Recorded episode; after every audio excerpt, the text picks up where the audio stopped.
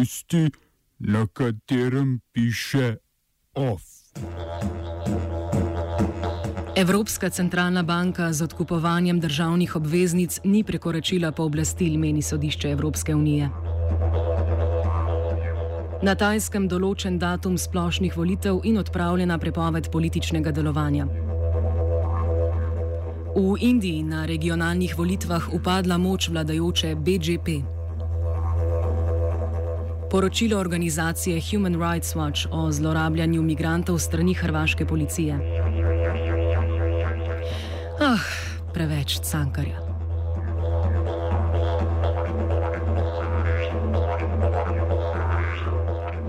Sodišče Evropske unije je razsodilo, da Evropska centralna banka ni prekoračila pooblastil, ko je leta 2015 odkupila obveznice držav članic. To je storila v želji po razbremenitvi držav, ki jih je kriza leta 2008 najhuje prizadela, saj bi jim s tem znižala obrestne mere za posojila. Evropska centralna banka je leta 2015 spremenila svojo politiko in pričela s programom kvantitativnega sproščanja, ki predvideva odkupovanje obveznic držav in večjih podjetij ter tiskanje denarja. Kritiki takšne politike so menili, da je ta neustavna, saj krši načela Maastrichtske pogodbe, ki določa, da centralna banka ne sme financirati držav članic. Primer se je znašel na Nemškem zvezdnem ustavnem sodišču in nadaljeval na sodišču Evropske unije. Obe sodišči pa sta sklenili, da se mora Evropska centralna banka držati le lastnih določil, torej da ne sme odkupiti več kot tretjine državnih obveznic, saj bi sicer postala glavna kreditodajalka. Odkupovanje samo je bilo torej legalno.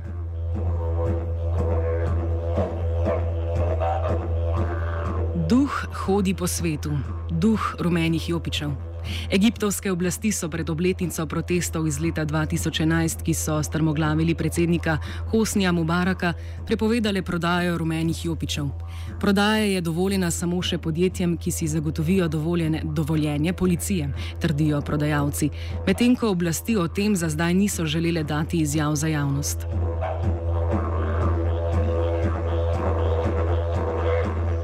Francoski predsednik Emmanuel Macron se je poslužil nekoliko drugačne strategije boja proti že prisotnim rumenim jopičem.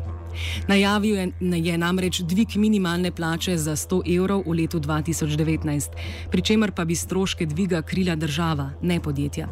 Prav tako je odstopil od načrtovanega zvišanja prispevkov za socialno zavarovanje za upokojence s prihodki nižjimi od 2000 evrov. Vendar pa je zavrnil ponovno vzpostavitev davka na premoženje ter ni odstopil od načrtovanih sprememb pokojninskega sistema, socialno-varstvenih prejemkov in državnih izdatkov.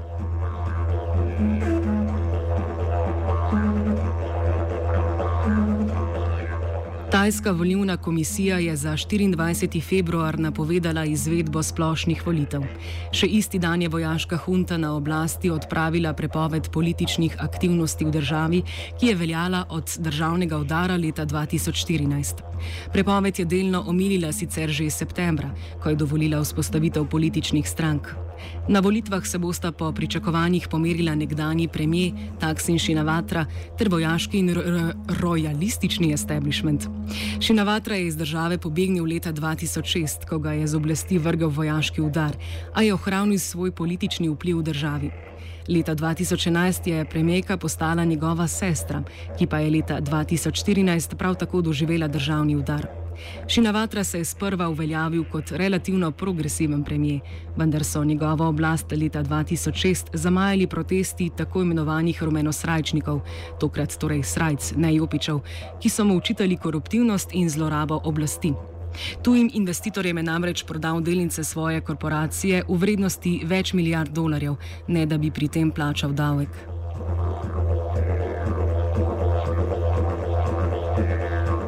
Na mesto rumenih srajc pa v Kaliforniji nared povzročajo bele halje. Katoliška šola St. James je ugotovila, da sta njeni nuni v zadnjih desetih letih ukradli 500 tisoč dolarjev in z njimi plačevali igre na srečo v bližnjem kazinoju. Čeprav šolski pastor proti njima ni želel sprožiti sodnega procesa, je tega napovedala Los Angeleška načkofija.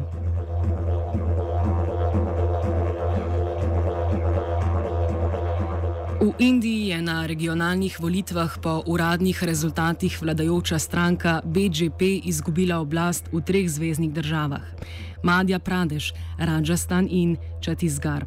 V vseh treh je BJP pod vodstvom premijeja Narendra Modija izpodrinila opozicijska kongresna stranka pod vodstvom Raula Gandija iz tako imenovane dinastije Nehru Gandhi.